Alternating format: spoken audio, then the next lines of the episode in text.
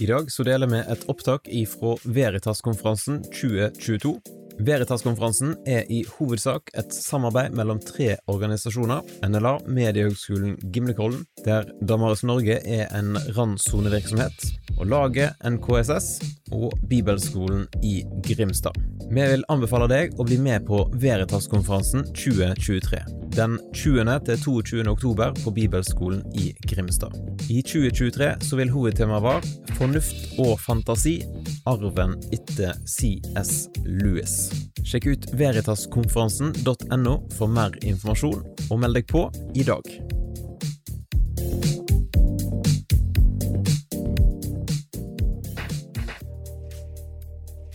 Ja, några av er ser jag på nytt och andra för första gången. Eh, så jag ska inte säga så mycket mer om mig själv. Vi verkar ha repris på att den här skärmen bråkar lite, men vi får väl se. Det viktigaste är väl vad som sägs i alla fall.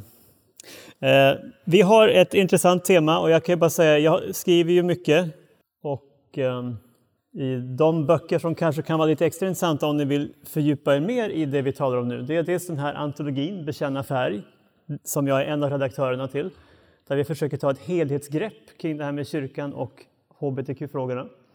Eh, både teologiskt och pastoralt. Eh, så att eh, det kan ju vara ett tips. Liksom den här då, som dessutom finns på norska. Når minoriteten tar majoriteten som gissel. Eh, som handlar om skev ideologi eh, och även en del kring transfrågan. Eh, och väldigt konkret kring hur det här sprids i dagens barnehage och skolor Och med vilka argument och på vilka sätt. Men också en, en mer analys och teologisk reflektion kring shave ideologi. Så då vet ni det, om ni känner att det här vill jag jobba mer med. Men det spörsmål som vi ska utgå från idag, det är ju väldigt brännande. Um, kristna och de sexuella minoriteterna. Uh, och uh, det är ingen tvekan om att det här är och har varit en, en utsatt grupp uh, i många situationer och, och, för er vet jag att det är väldigt aktuellt också med det som hände i Oslo eh, här i, i våras var väl det till och med eh, kopplat till Pride-festivalen, det attentatet. Och det är bara ett av många uttryck för att det kan finnas direkt hat också mot den här gruppen.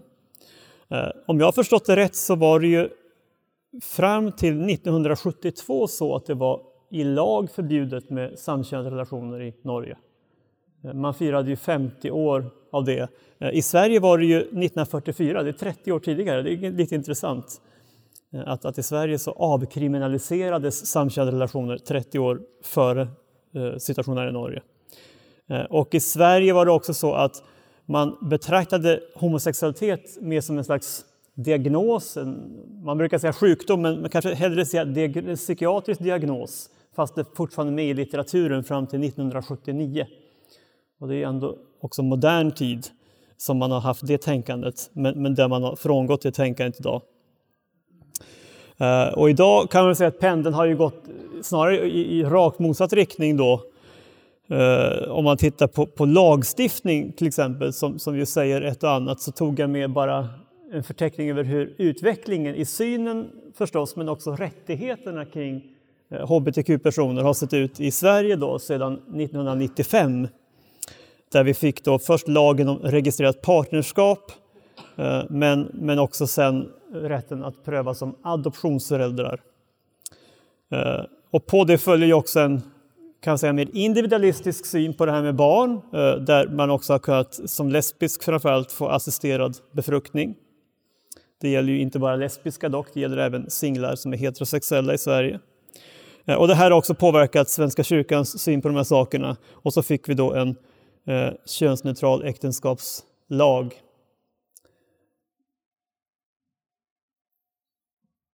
Och jag vet inte exakt hur den här synkar med Norge, men jag tror att ni har liknande lagar, men att de har kommit lite senare generellt talat. Eh, och det är ingen hemlighet att väckelsebevegelsen har motsatt sig många av de här eh, lagförslagen. Även jag är kritisk till mycket på den här listan. Eh, samtidigt samtidigt är jag verkligen mån om att hbtq-personer inte diskrimineras på ett orättfärdigt sätt. Och då blir liksom frågan, hur gör vi med, med det?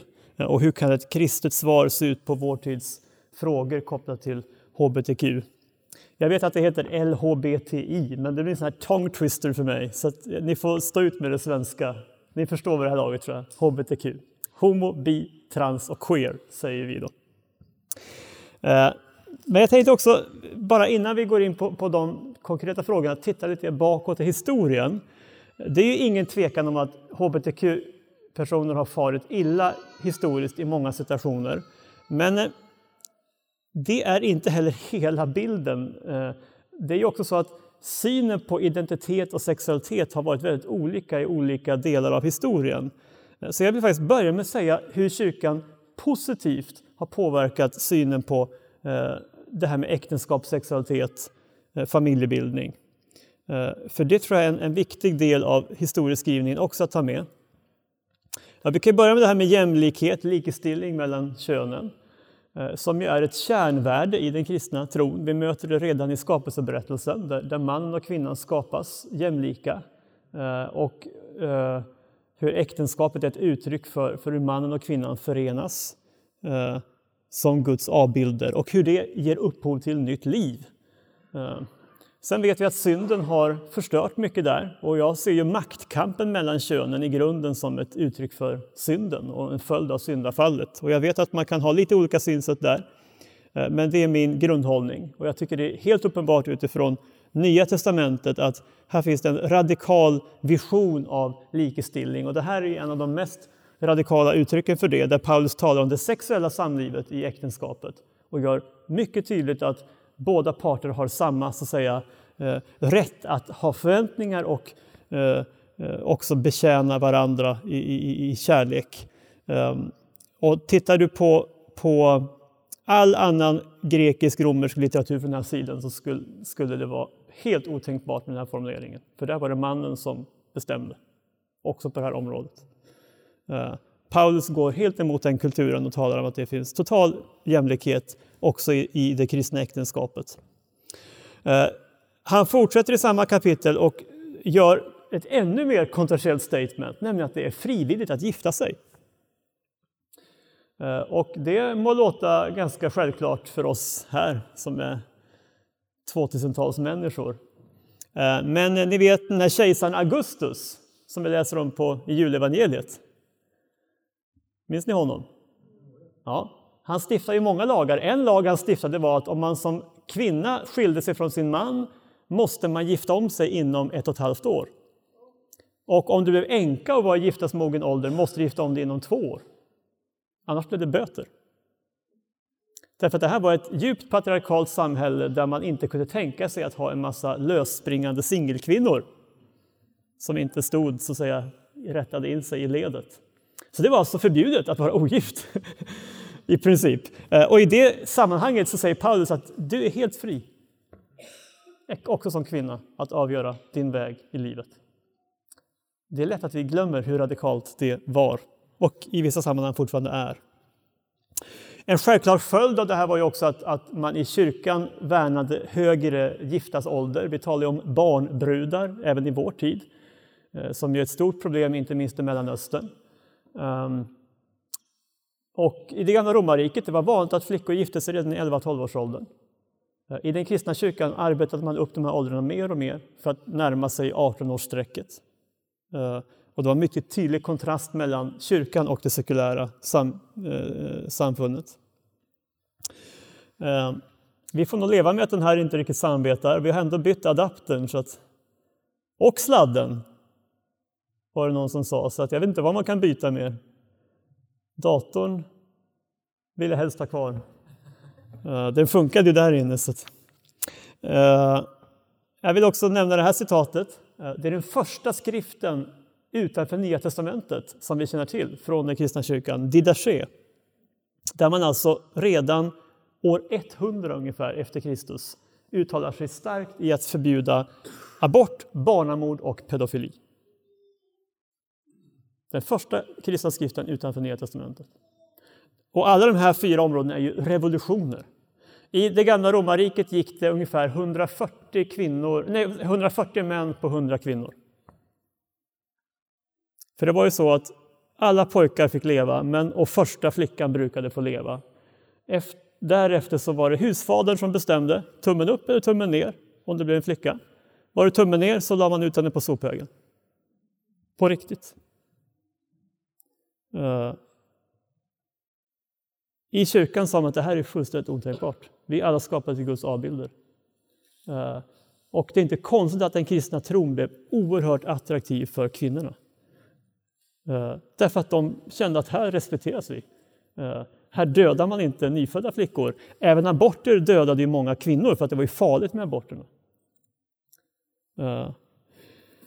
Så bara för att ha lite historia om hur kyrkan faktiskt aktivt har varit en del av samlivsspörsmålen och, och där vi ofta har en bild av att kyrkan bara har kommit med mörker på det området. Det är inte sant, helt enkelt. Eh, och jag vill någonstans bara lyfta fram det att, att eh, vi ska inte skämmas för kyrkans grundläggande bidrag i de här frågorna. Eh, från 300-talet och framåt börjar man också aktivt, när kyrkan blev lite starkare, börjar man aktivt kampanjen mot klanernas makt. Vi kan tala lite föraktfullt mot den kristna betoningen på kärnfamiljen. I alla fall har jag mött ganska många föraktfulla kommentarer om sånt. Men det var ju också en slags sätt att markera mot att klanen, släkten, skulle bestämma över familjen. Det var ju inte säkert att ens mannen fick välja om han, vem han ville gifta sig med. Det var ju klanerna som bestämde. Ja, men de totar vi ihop, det passar bra för vår, våra syften. När Norge blev kristnat för tusen år sedan, då var kyrkan, och på den tiden var det katolska kyrkan förstås, eh, sa att vi kommer ogiltigförklara alla äktenskap där inte både mannen och kvinnan har fått gett sitt klartecken. Man satte hårt på hårt, mot hårt. Vi kommer ogiltigförklara dem, betrakta dem som utomäktenskapliga relationer. Och tvingade på så sätt klanerna att anpassa sig, att ge både man och kvinnan rätten att välja vem de gifter sig med total revolution. Och det är bara att titta österut och se Mellanöstern som inte haft den reformen. Där det fortfarande är klanerna som styr väldigt mycket. Där man har väldigt mycket kusinäktenskap som också förbjöds av kyrkan efter några hundra år. Och så oändligt mycket elände som har följt i de spåren. Um. Och så parallellt med det här då, den här respekten för singellivet och då börjar vi kanske närma oss igen det som ska vara huvudtemat här idag. Eh, genom de här påbuden och inte minst Paulus undervisning så fanns det en stor respekt också för singellivet. Även Jesus talar i Matteus 19 om ett antal olika grupper i samfundet som inte är kallade att gifta sig utan som ska leva sitt liv som singel. Och det är klart, det här sägs i en kultur där det i princip var livets mening att få en avkomma. Eh, Kristen tro bygger ju på judiskt tänkande i grunden, självklart, eftersom det bygger på Gamla testamentet. Eh, och i det judiska tänkandet så var eh, arvet, avkomman, att vara fruktsam och föröka sig, det var kungsbudet som, som, som väldigt många förväntade sig. Eh, ja, ni ser ju alla berättelser i Gamla testamentet med ofruktsamma kvinnor, vilken olycka det var för dem att inte ha fått en avkomma. Det var den stora sorgen, det stora misslyckandet om man så vill. Och då är det fascinerande att Gud väljer att använda många av dem just för att ge dem barn som sen blir väldigt viktiga i frälsningshistorien. Så det är en del av, av liksom Guds nåd. Men vi ser ju också mitt i det här hur eh, eh, faktiskt eh, barn och avkomma är oerhört centralt i den kulturen. Och så kommer Jesus och säger att det finns stora grupper som inte ska gifta sig. Och Paulus säger du väljer själv om du vill gifta dig. Där uppstod singelståndet som ett, någonting legitimt och faktiskt positivt. Och det kanaliserades ju sen in i klosterväsendet med munkar och nunnor som kunde ha en viktig uppgift i Guds rike som singlar. Och vi kan ha massa åsikter om, om, om klosterrörelsen. Eh, och, jag kan också se legitim kritik av klosterrörelsen. Men faktum kvarstår att under tusen år var den en jätteviktig bevegelse eh, och katalysator faktiskt för samfundsförvandling genom, genom det som skedde vid klostren. Och det var ju singlar allihop. Och jag är helt övertygad om att ganska många faktiskt också som vi idag skulle kalla för hbtq-personer fick en plattform i den kontexten utan att man nödvändigtvis talade om det på det sättet på den tiden. Eh, så sen har det böljat lite fram och tillbaka. Eh, och den stora debatten kring sexualitet på medeltiden, i alla fall här uppe i Norden, det var faktiskt inte synen på homofili. vilket kan förvåna möjligen, det var snarare synen på, eh, man ska se vad ni säger, omgang med dyr säger ni va? Tidelag. Det pratar vi inte så mycket om numera tror jag. Bibeln nämner det några gånger och markerar tydligt mot det. Vi ska inte beblanda oss med andra djur, utan vi ska hålla oss till vår egen art. Det är väldigt tydligt i Bibeln. Eh, och det var en debatt. Och flera fick fängelsestraff med medeltiden i Norden för omgång med dyr. Men det finns väldigt lite skrivet om, om samkönade relationer från den tiden. Eh, när började kyrkan fokusera på det? Då? Ja, det är också intressant. Det är inte när man tror, det är inte under väckelsebevegelsen på 1800-talet.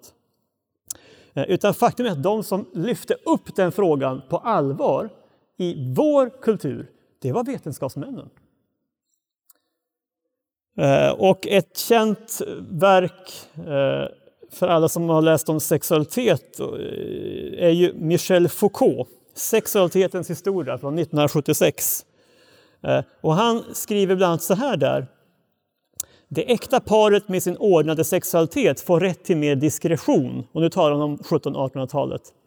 Det tenderar att fungera som norm, en kanske strängare men tystlåtnare norm.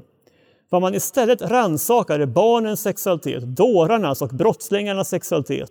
Det är lustarna hos dem som inte älskar det andra könet. Det är drömmerierna, tvångsföreställningarna, de små manierna eller de stora lidelserna.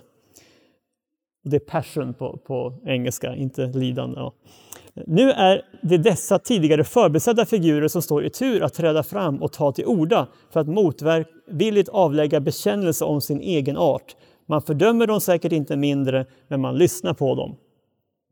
Eh, jag vill ge det här citatet bara för att visa att det är inte kyrkan som började att fokusera på sexuella minoriteter. Det var eh, läkarvetenskapen i västvärlden. Eh, den sekulära borgerliga kulturen som började kartlägga sexualitetens olika yttringar. Och det engagerade läkare, psykiatriker, eh, nationalekonomer, för det här var ansett som en nationalekonomisk fråga, att vara fruktsam eller inte. Eh, och den här eh, formen av vetenskap som vi idag helt har övergivit, nämligen eugenik, där man kartlägger människotyper och raser och liknande. Det var stort på den tiden och det har vi lyckligtvis lämnat bakom oss. Men, men i alla de sammanhangen så var det här en, en viktig fråga. Eh, och det var också i slutet av 1800-talet som homofili blev en identitetsterm. I Bibeln talas det inte om homofili som identitet utan som en aktivitet. Och det är samkönade sexuella relationer som beskrivs som synd.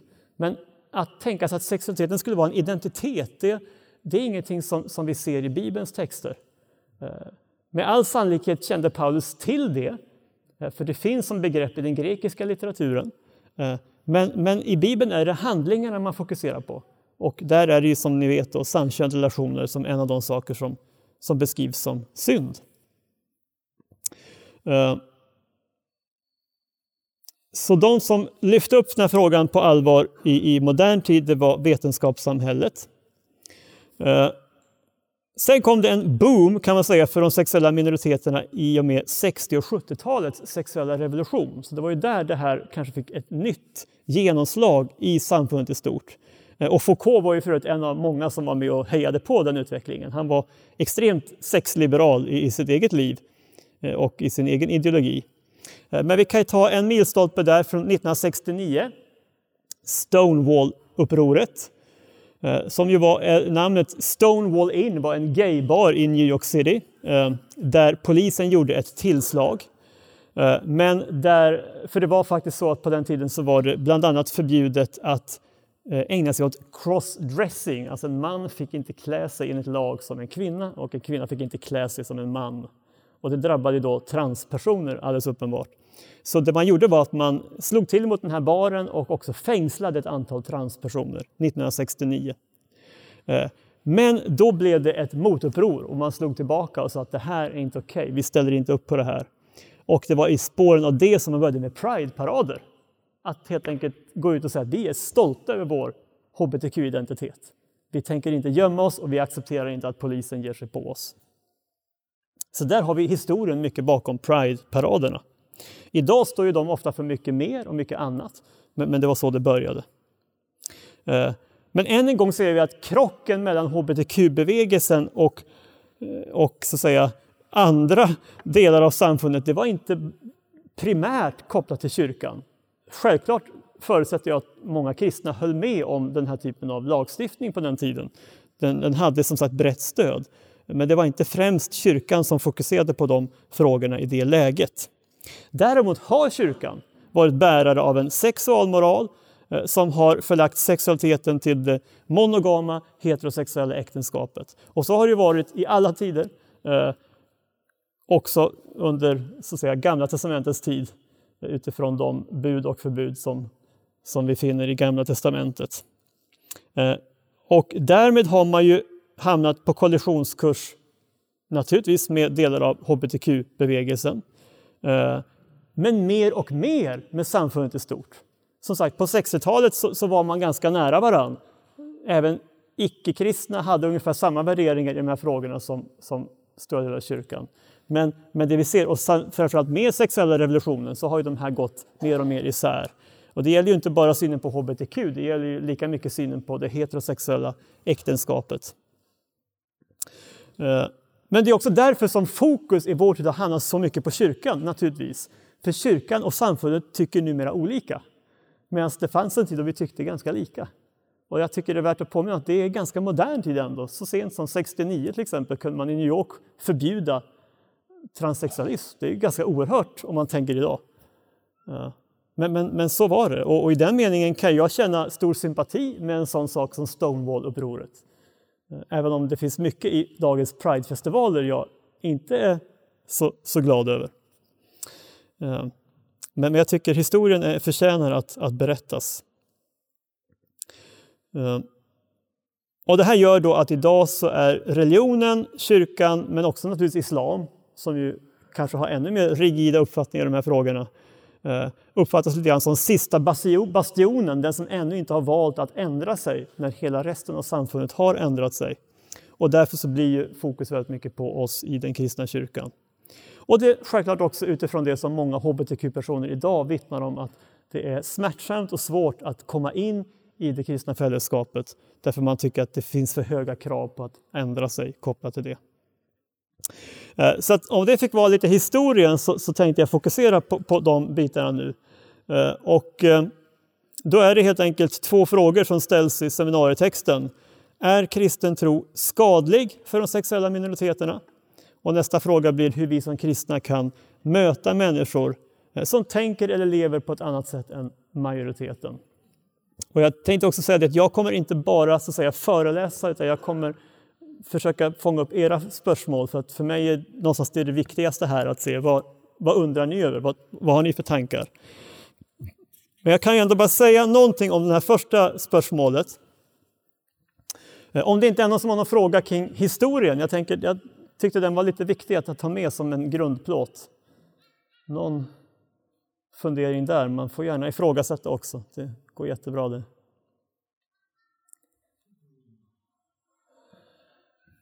Datorn ifrågasätter hela tiden, men det, det, får vi väl leva med. Okej, la meg spørre om noe som jeg Jeg er ikke helt sikker på hva jeg selv mener om dette, men det, eh, det virker som du Eller det er mulig jeg misforstår deg, men, men det virker som du mis... Eller du tar som en selvfølge at det å forby eh, transgreier eller transuttrykk eller sånne ting, og kanskje så det å forby eh, homoseksuelle handlinger var, var feil. Um, jeg syns det bør begrunnes mer hvis vi skal eh, si det som kristne. Ja, jag kommer tillbaka till det, men jag har väl som grundhållning att den kristna kyrkan har all rätt i världen, faktiskt en skyldighet, att förvalta sin lära och sin teologi. Eh, och, och, och, det behöver vi inte så att säga, be om ursäkt för, däremot så behöver vi ta ansvar för det. Hur kan vi då möta människor som har andra synsätt än, än våra?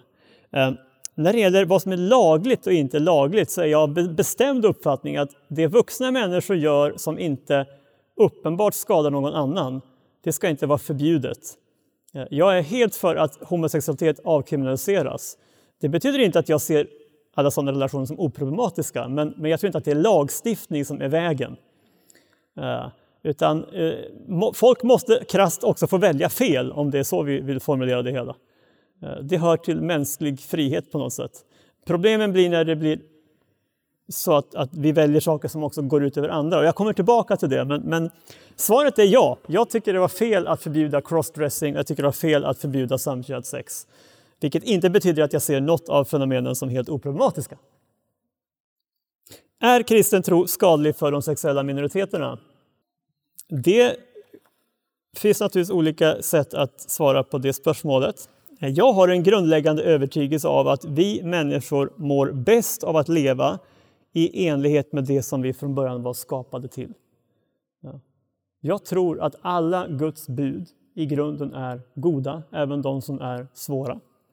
Eh, och att det bottnar i en, en omsorg både om individen och om det större sammanhanget.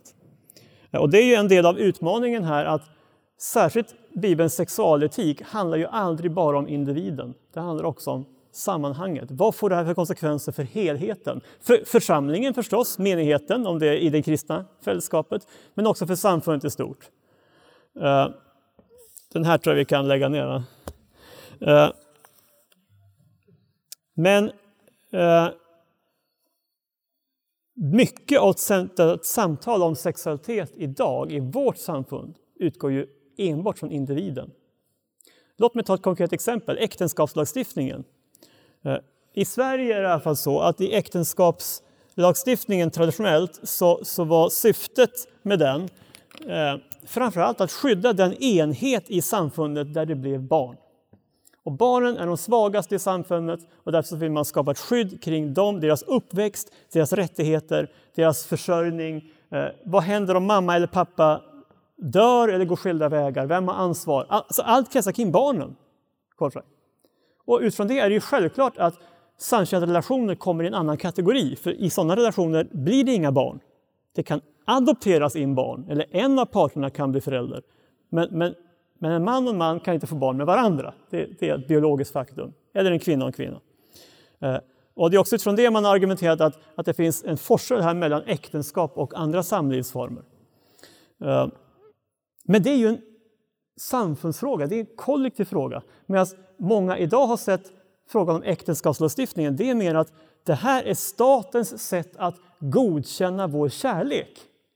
Och än en gång, i Sverige har vi ett, ett ofta upprepat mantra i de här frågorna. All kärlighet är bra kärlighet. Jag vet inte om ni känner igen det. Och då har man det som ett argument för att allt som måste allt kallas äktenskap. Och för mig, rent filosofiskt, är det ett mycket dåligt argument. För jag ser det inte som statens uppgift att ge sin godkännandestämpel till någons personliga känslor eller kärlek. Jag är helt övertygad om att ett samkönat par kan ha precis lika varma känslor för varandra. Varför skulle de inte kunna ha det? Men det är ju inte det som är statens uppgift att sanktionera känslor eller romantik, utan statens uppgift är att skydda det uppväxande släktet. Skapa ordningar som, som bygger det fälles samfundet på ett bra sätt.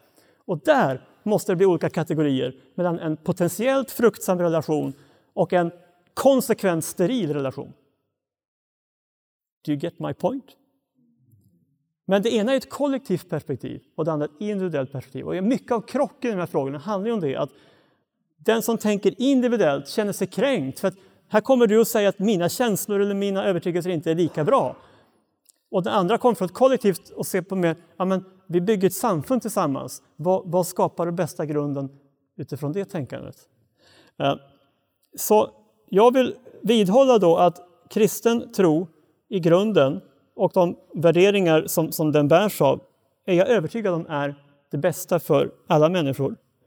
Um, och som vi har varit inne på bland annat i mitt förra seminarium så, så är det första som, som sker i Bibeln när människan beskrivs är just att, att indelningen i män och kvinnor och skapelseordningen som också leder in i äktenskapet. Uh, det, det, är det mest grundläggande som sägs om människan egentligen. Uh, och då blir det för mig problematiskt när ett helt samfund gör upp med de traditionella normerna. Ehm. Och jag tycker vi ser det här också i, i vår tid, att när man har börjat ändra på de här grundläggande ordningarna eh, så stannar det aldrig där. För väldigt ofta har det handlat om att man har sett en grupp som man vill värna och skydda på ett nytt sätt. Eh, och så har man så tänkt bort alla andra parametrar för att hjälpa den gruppen. Eh, men någonstans, om man tittar särskilt det som sker i den unga generationen idag, så sker ju en uppluckring av normer och tankegångar kring kön och identitet på mycket bredare front. Det handlar idag ganska lite faktiskt om homosexualitet i många ungdomssammanhang. Det handlar mer om det här med trans och tjejideologi. ideologi. Senaste stora gallupundersökningen i USA där man frågade befolkningen om hur de definierade sig sexuellt så var det som vanligt 3-4 procent av alla vuxna som definierade sig som hbtq och 16 procent av alla unga vuxna.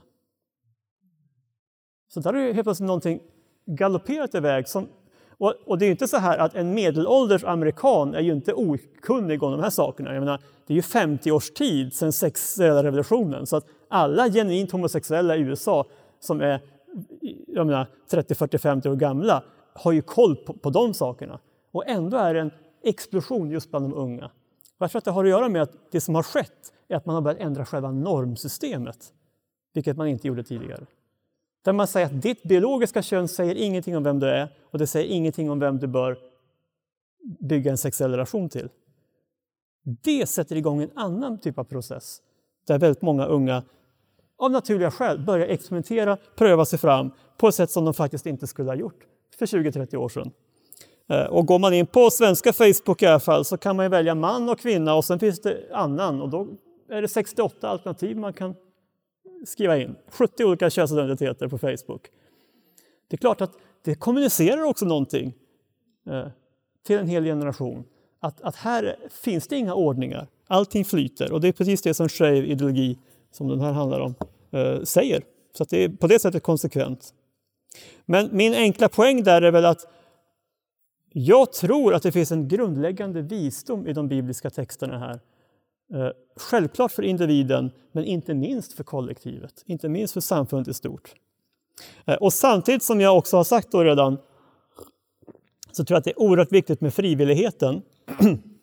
Kristen tro och kristna värderingar kan inte pressas på en annan människa mot hennes vilja. Eh, det är i alla fall inte det som kallas helliggörelse. Helliggörelse kommer inifrån, i ett samspel med Guds ord förstås, men också drivet av den helige Ande. Ehm, och vi kan inte lagstifta fram helliggörelse. Ehm, och då tänker jag rent konkret att eh, lagen om registrerat partnerskap var en ganska bra mellanväg. Jag vet inte hur, hur den har sett ut här i Norge, men i Sverige fick vi ju den då 2005 där man helt enkelt valde att trogna monogama relationer fick ett grundläggande juridiskt skydd. Ehm, utan att man för den skull ändrade hela idén med vad ett äktenskap är. Utan man sa att äktenskap är fortfarande en man och kvinna, det är där det blir barn, det är där samhället har ett alldeles särskilt skäl att, att, att ge sitt skydd. Men när vuxna samtyckande människor som inte delar den värderingen ändå vill leva tillsammans så kan vi stötta deras vilja till trohet eh, genom en lagstiftning. Eh, jag vet och jag respekterar att många kristna var negativa till de lagarna när de kom. Jag var faktiskt själv en av dem. Men ju mer jag har jobbat med de här frågorna har jag tänkt att det var nog en ganska bra mellanväg helt enkelt. Om det hade varit en mellanväg. Men nu var det ju inte det, utan det var egentligen ett steg mot någonting annat. Nämligen att göra hela äktenskapslagstiftningen könsneutral. Och det tror jag är mer tveksamt eh, av de skäl jag redan har nämnt. Eh, men inte minst på grund av barnen. För det sänder signalen att samhället har ingen åsikt om du får växa upp med mamma och pappa eller om du lika gärna får växa upp med en eller noll av dina biologiska föräldrar. Och det är för mig en mycket större fråga. Ehm, och det vet vi inte minst från debatten som gäller kring adoptivbarn. Att det här med det biologiska arvet, det är ingen småsak. Det är en djupt existentiell fråga. Och när samhället säger att vi inte överhuvudtaget lägger oss i, vi bryr oss inte om du får en relation till din mamma och pappa eller inte. Det är för mig en väldigt allvarlig fråga. Och ett svek mot en ung generation. Ehm, så ja, jag tror att det fortfarande är så att de grundläggande sanningarna i den kristna tron om sexualitet och relationer är bra för oss. Och jag tycker det historiska exemplet är viktigt där, att se vilken revolution, bokstavligt talat revolution, just sexualfrågorna hade på hela det västerländska samhällsbygget. Um, vi, vi har ju en tendens att be om ursäkt för de frågorna annars. Uh, men jag tror att, att vi ska lite grann sträcka på halsen och säga att nej, men här har kyrkan gett mycket värdefulla bidrag. Sen har kyrkan också haft perioder av sexualfientlighet och nojighet som ju har drabbat heterosexuella lika mycket som hbtq-personer ofta. Ehm, och det är ju bara sorgligt. Ehm, men då är vår kallelse att gå tillbaka till skriften och så kan vi börja med Höga Visan och se vad, vad sätter den för standard när det gäller både frispråkighet och bejakelse av det sexuella samlivet.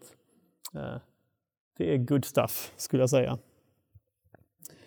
Ehm, hur kan vi då tänka kring människor som lever och tänker på ett annat sätt än majoriteten?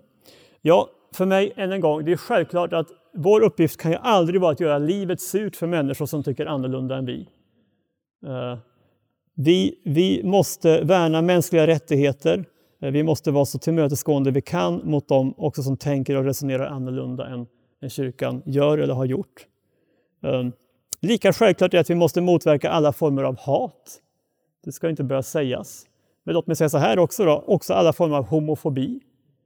Ehm, jag tillhör de som är lite picky när det gäller argumentationen. Man kan ju landa i rätt slutsats men ha bra eller dåliga skäl för det. Och om jag värnar, värnar äktenskapet mellan man och kvinna bara för att jag tycker att homosexuella är äckliga, så är inte det en kristen hållning. Även om jag har rätt i att jag värnar äktenskapet mellan man och kvinna. Är ni med mig? Vi måste se över våra argument också, framförallt våra motiv. Eh, så jag utmanar gärna homofobi där jag ser det. Men jag tror att äktenskapet mellan man och kvinna är en skapelseordning och att det skadar hela samfundet när vi överger den. Och det behöver vi också hitta ett sätt att, att kunna säga och, och redogöra för. Eh, vi behöver skilja mellan sak och person. Eh, och det här är ju svårt av det enkla skälet att vi lever i ett samfund som inte så gärna gör det. Eh, jag talar egentligen aldrig om homosexualitet när jag talar om vad Bibeln eh, har synpunkter på, utan jag talar om samkönat sex. För jag menar att det Bibeln säger är att våra kroppar är skapta för föreningen mellan vår komplementära motpart, det vill säga som man att förenas med en kvinna och som kvinna att förenas med en man. Och att det dessutom ska ske i ett förbund som återspeglar, en pakt som återspeglar Guds egen trohet. Det är faktiskt så att orden som används i Första Mosebok 2 är samma ord eh, som används om hur Gud har överlåtit sig till sitt folk, Israel. Så det är Gud själv som är vår förebild i äktenskapspakten, i att lova varandra livslång trohet. Ehm, så, så där ligger liksom grunden. Men det gör också att, att eh, i Bibelns texter om sexualitet så är det läggningen som är i fokus. Eh, och eh, utfordringen här är ju att i vår kultur har det här smält samman så att det har blivit väldigt svårt att säga att jag respekterar dig som person men jag har synpunkter på en del av de saker du gör. Det är svårt att nå fram med det budskapet idag. Och det gäller ju många frågor. Um, lika fullt tror jag att vi, vi på något sätt måste värna den tanken. För om, om, om jag blir allt jag gör så är det faktiskt att det drabbar ju alla områden i livet, inte bara sexualiteten. Det är ju mycket som människor gör som jag är övertygad om att Gud blir ledsen över. Vi kallar det normalt för synd. Och syndare är vi allihop. Ehm, så vi måste hitta ett språk för att ändå kunna skilja mellan att Gud älskar mig som person, men det betyder inte att han älskar allt jag gör. För det gäller faktiskt alla människor. Och jag inser att det finns nog ingen tid i historien där det har varit så svårt att formulera den sanningen som vår. Men jag tror att, att eh, den är egentligen nödvändig. Och här finns en utfordring i hur eh, hbtq-rörelsen har utvecklats. Därför att på grund av skev ideologi så anses idag tolerans vara moraliskt problematiskt. Klassisk kristen tro har stridit för toleransens möjlighet att trots våra olikheter så behöver vi tolerera varandra för att kunna coexist. Och det var upplysningsfilosofin tillsammans med väckelsebevegelserna som var avgörande för den tradition av tolerans som, som etablerades på, på 1800-talet, inte minst i Europa. Eh, för det var minoritetsröster som sa att vi, vi måste hitta ett sätt att samexistera. Utfordringen här är att som hbtq-rörelsen har utvecklat sig så har man sagt att det är inte nog med tolerans. Man måste också omfamna, bejaka. Eh, och jag kan förstå den längtan och den önskan. Vem av oss vill inte bli fullt ut omfamnad och bejakad? Problemet är att när vi tvingar andra att omfamna oss så blir det någonting intolerant över det, eller hur? Det, blir liksom, det finns ingen frihet, utan du måste bejaka mig. Du måste i princip fira det jag gör. Då har vi blivit väldigt närgångna och sagt att du måste vara en del av mitt projekt.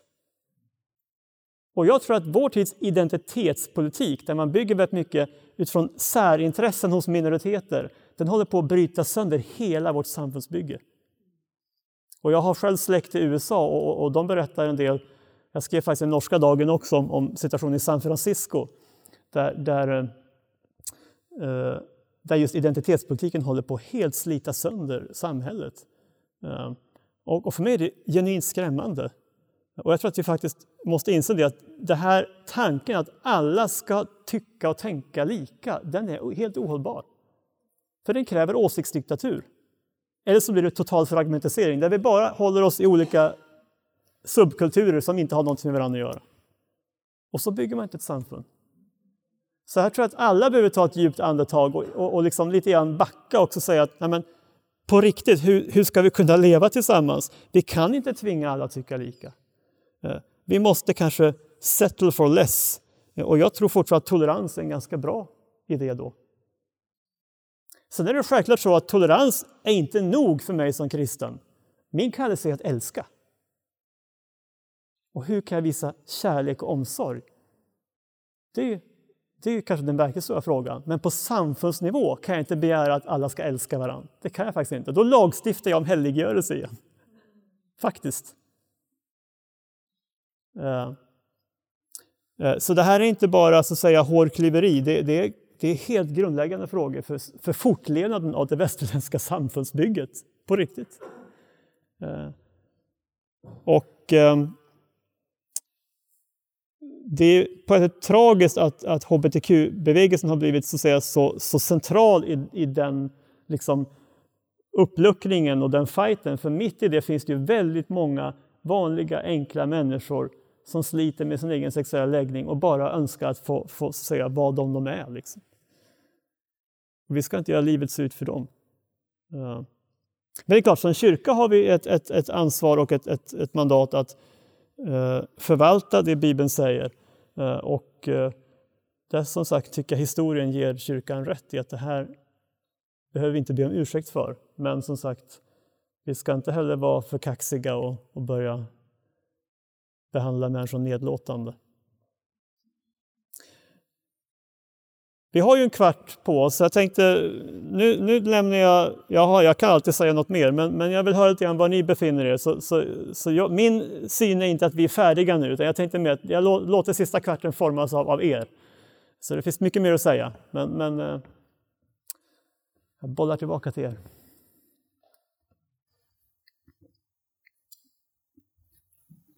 Du, jo, du, sier jo egentlig noe om det. Jeg bare tenker det, jeg syns noe av det vanskeligste er eh, nettopp det at eh, i samfunnet vårt så defineres man altså identiteten Seksualiteten er identiteten. Eh, og da, da, det kolliderer jo egentlig, da. Ikke sant? Fordi at skal du formidle noe, skal du forstå den andre og, og vi lever også i en krenkelseskultur hvor den som til enhver tid opplever seg krenket, subjektivt, eh, har vunnet. Altså er du offeret, så, så har du rett, på en måte. Det, jeg syns bare det er litt mer sånn hjertesukk. Jeg, jeg, har en eh, alminnelig jobb altså med sånn, sånn i kommunens psykisk helse-team. Og vi treffer jo folk av ulik eh, altså som, har som tilhører minoriteter seksuelt. ikke sant?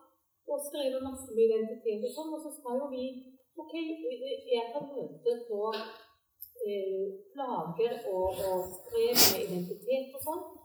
Eh, men jeg må være veldig forsiktig, for jeg har ikke noe med å si hvordan vedkommende ska leva sånn i kristen målestokk.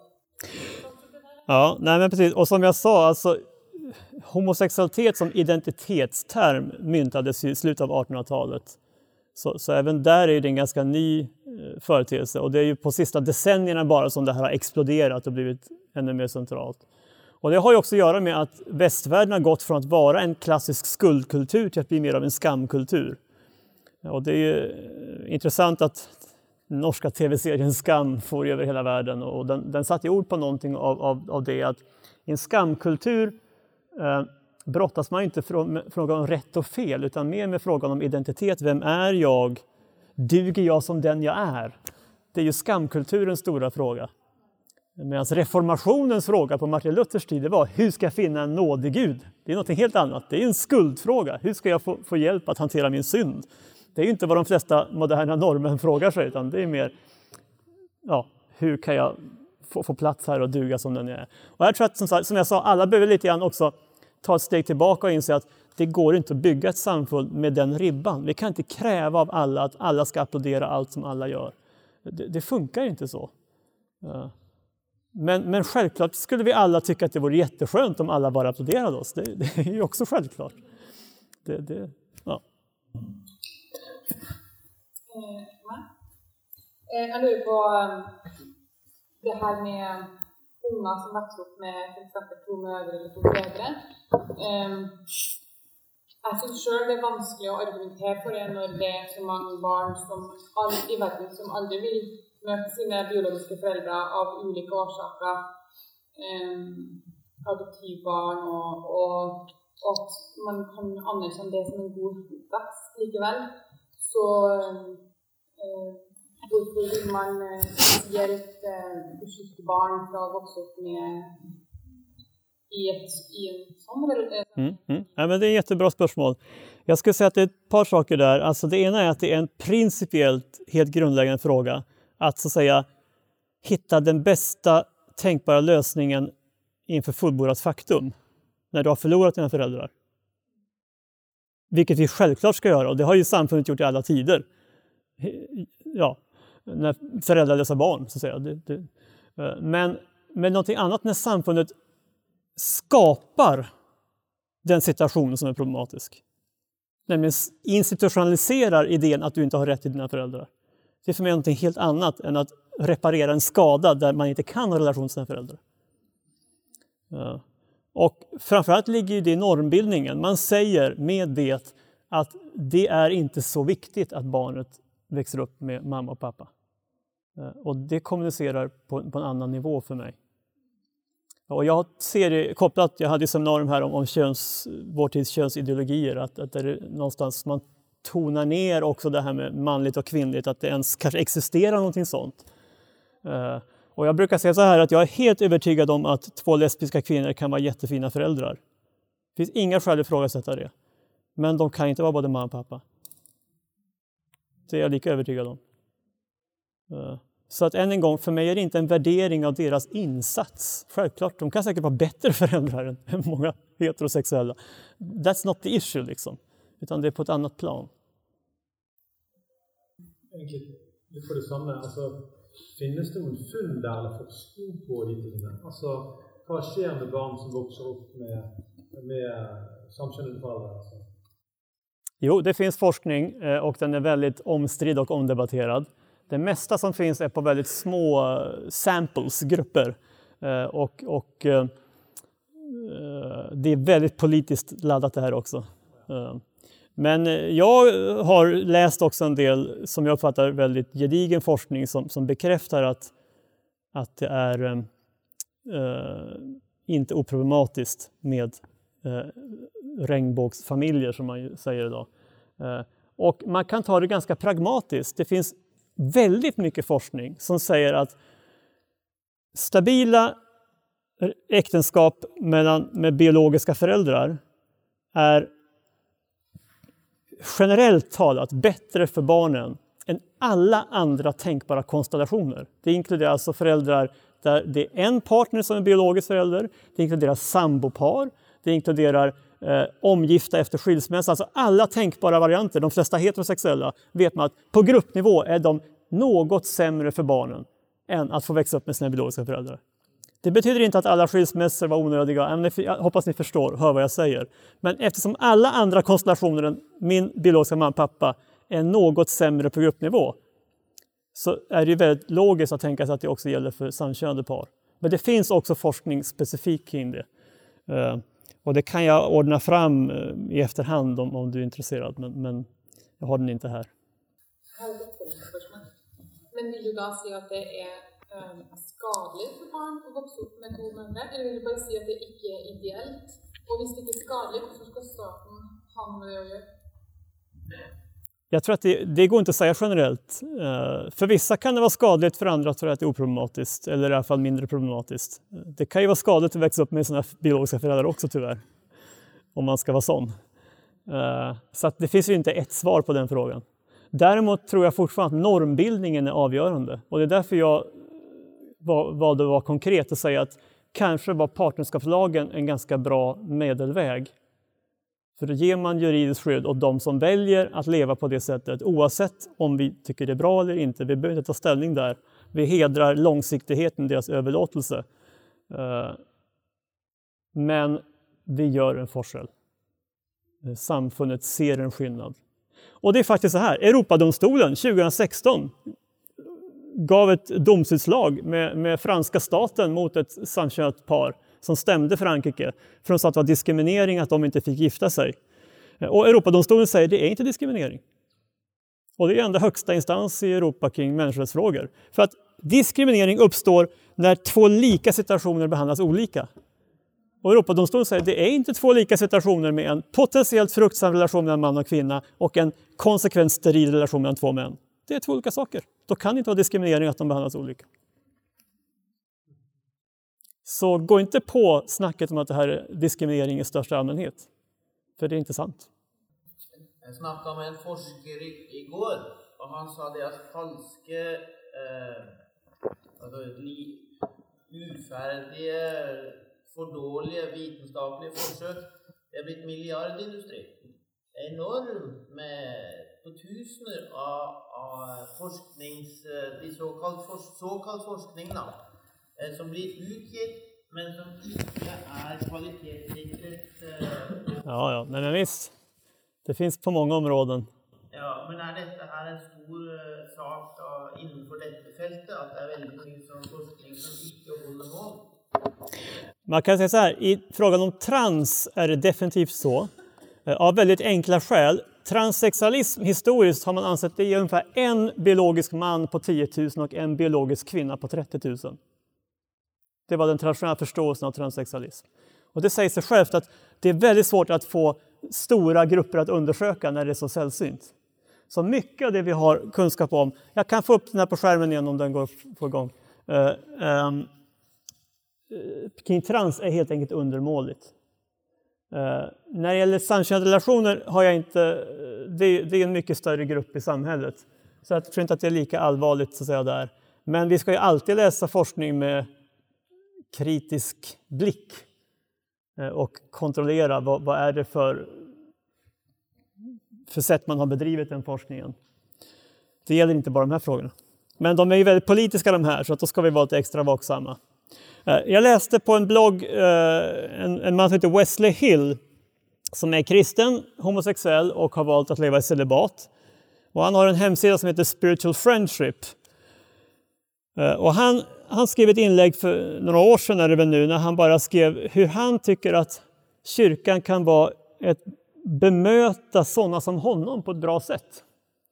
Jag tänkte att hans tio punkter kan vara, vara lite, lite fina att, att få med också här innan vi avslutar. Underskatta inte de små gesterna är hans första punkt. Eh, att liksom med ord visa, kännas vid att vi vet att det finns människor här som kan ha olika sexuell läggning. Att inte osynliggöra att, att det faktiskt är så, eller låtsas som att det inte är så.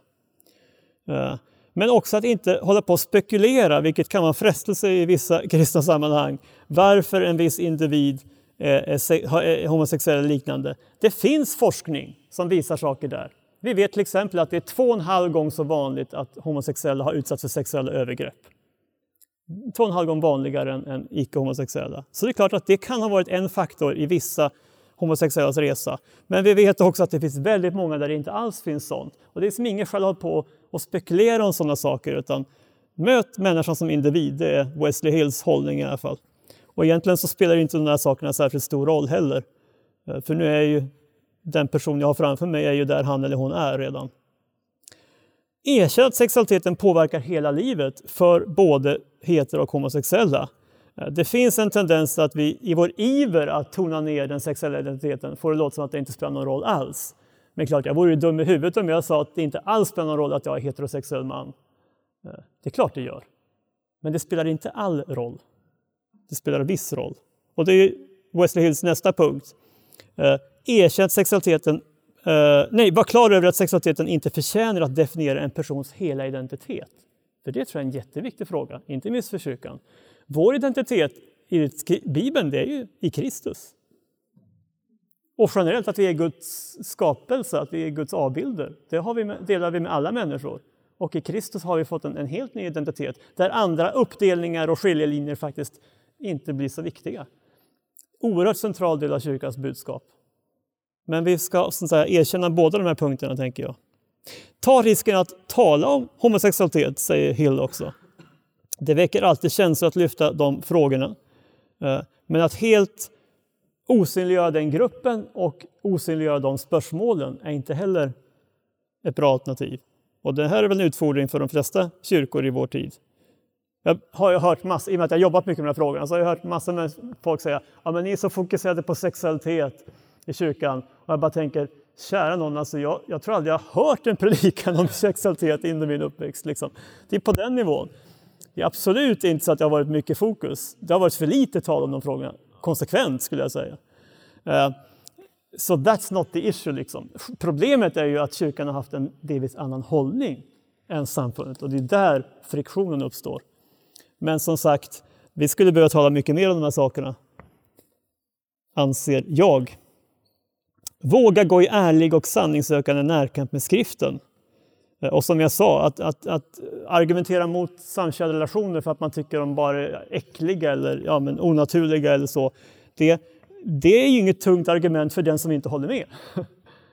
Om man faktiskt inte tycker det så blir det ett totalt icke-argument. Det intressanta är ju hur kan vi göra rättvisa åt Bibelns budskap i de här frågorna? Och det kräver ett ärligt och sanningssökande bibelstudium. Erkänn och försök sätta dig in i den smärta, den ensamhet och de frestelser som ligger i att ofrivilligt leva som singel i en sexfixerad tid. Och inte minst det där sista är rätt relevant. Varför var inte det här någon stor fråga på medeltiden? Ja, rimligen för att det var motsatsen till en sexfixerad tid. Man, man, det var liksom inte alls det här som gav identitet och substans åt livet. Medan vi lever i en tid som bombarderar oss med intryck om att du ska hitta den rätte som förverkligar dig. Och om du inte lever ut din sexualitet så är du beklagansvärd och, och, och allmänt liksom misslyckad. Det är klart, om man hela möter det blir det ju väldigt mycket svårare att komma med ett budskap om att det kanske är så att vissa är kallade att leva som singlar, även om de inte hade det som sin ursprungsplan. Försök att tänka dig och skapa mötesplatser där singlar kan bygga starka och goda vänskapsband utan att målet behöver vara att finna en framtida partner. Eh, jag bor i Uppsala, men, men det är inte så långt från Stockholm. Och I Stockholm så är över hälften av alla hushåll i Stockholm är ensamhushåll. Det är för ett världsrekord. Det finns ingen stad, huvudstad i världen som har så många ensamhushåll som Stockholm. Antalet ensamhushåll i Stockholm och förut Köpenhamn är de högsta i världen bland huvudstäder. Ja, det är över 50 procent av hushållen. Och, och, det är klart, det säger sig självt att kyrkan måste ha en teologi och en strategi för att möta singlar i en sån kultur. Jag menar, det behövs även om det bara är 5 procent, men om det är 50 procent, ja det är ännu fler. Uh, ja, men ni förstår, uh, här, här, uh, här behöver kyrkan tänka igenom Eh, hur vi lever och det finns en risk i vår vilja att tala gott om äktenskapet, att äktenskapet blir en avgud där det enda sättet att riktigt känna att man är med i gamet är att man har hittat en partner och hälsar på barn. Det är väldigt obibliskt. Och här behöver väckelsebevägelsen tänka till på allvar. Eh, ta vara på det bidrag som kan komma till kyrkan till del genom homo och bisexuella som vill leva i trohet mot skriften. Det här är inte bara en, en issue att hantera, det är ju människor som kan och vill bidra. Hur kan det ske på bästa sätt? Och så finns det naturligtvis komplicerade frågor här kring medlemskap och ledarskap med människor som inte vill leva enligt det som har varit en, en kristen hållning i, i, i de här frågorna. Eh, och det är ett annat seminarium. Det kan ni läsa om här dock. Eh, men, men eh, Wesley Hills grundinställning är att, att om man faktiskt då väljer Eh, att inte leva i samkönad relation, då måste man också tas tillvara med allt man har att bidra med. Och sista punkten är kanske mer kopplad till den amerikanska situationen. Fokusera inte för mycket på gay ministry. Bygg församling, predika evangeliet och tala om discipleskapets pris. Eh, och det kan vara min sista grej här att eh, vi har en tendens i våra kyrkor idag att de här tre områdena talar vi väldigt lite om. Jag har mött många förkunnare genom åren och det är väldigt få som hoppar av lycka över tanken att tala om otukt eller lidelse eller försakelse som vi säger på svenska. Men just i kopplingen till frågan om samkönade relationer så är det ganska vanligt att det ändå hänvisar till de här tre. Att det kan finnas situationer då man som individ behöver se att utifrån Bibelns undervisning om otukt, utomäktenskapligt sex Eh, och också att vi har vårt kors att bära så kan det för vissa vara ett kors att bära att man inte kan gifta sig. Precis som Jesus säger i Matteus 19. Och det är helt i sin ordning, tänker jag. Problemet är om det uppfattas som att det bara gäller homosexuella eller hbtq-personer. För då har vi totalt missuppfattat saken. Det finns mängder av heterosexuella synder som vi talar väldigt tyst om, men som är mycket vanligare. Och det blir väldigt konstigt om vi inte säger någonting om dem, men har tydliga åsikter om samkönade relationer. Eller lidelse. Jag menar, kära någon, det finns många områden där vi kan behöva öva oss i, i försakelse, att, att liksom ta vårt kors och, och, och, gå en smalare väg än, än majoriteten. Men, men då ska det också märkas. För om man som hbtq-person känner “we're in this together”, vi går alla en smal väg, då är det väldigt mycket lättare att känna att då kan vi göra det tillsammans. Men om man upplever att man är utpekad, det är bara jag som ska gå den vägen, alla andra kan glassa på som de brukar i en konsumtionskultur. Det blir inte schysst. Så låt oss rannsaka oss själva här.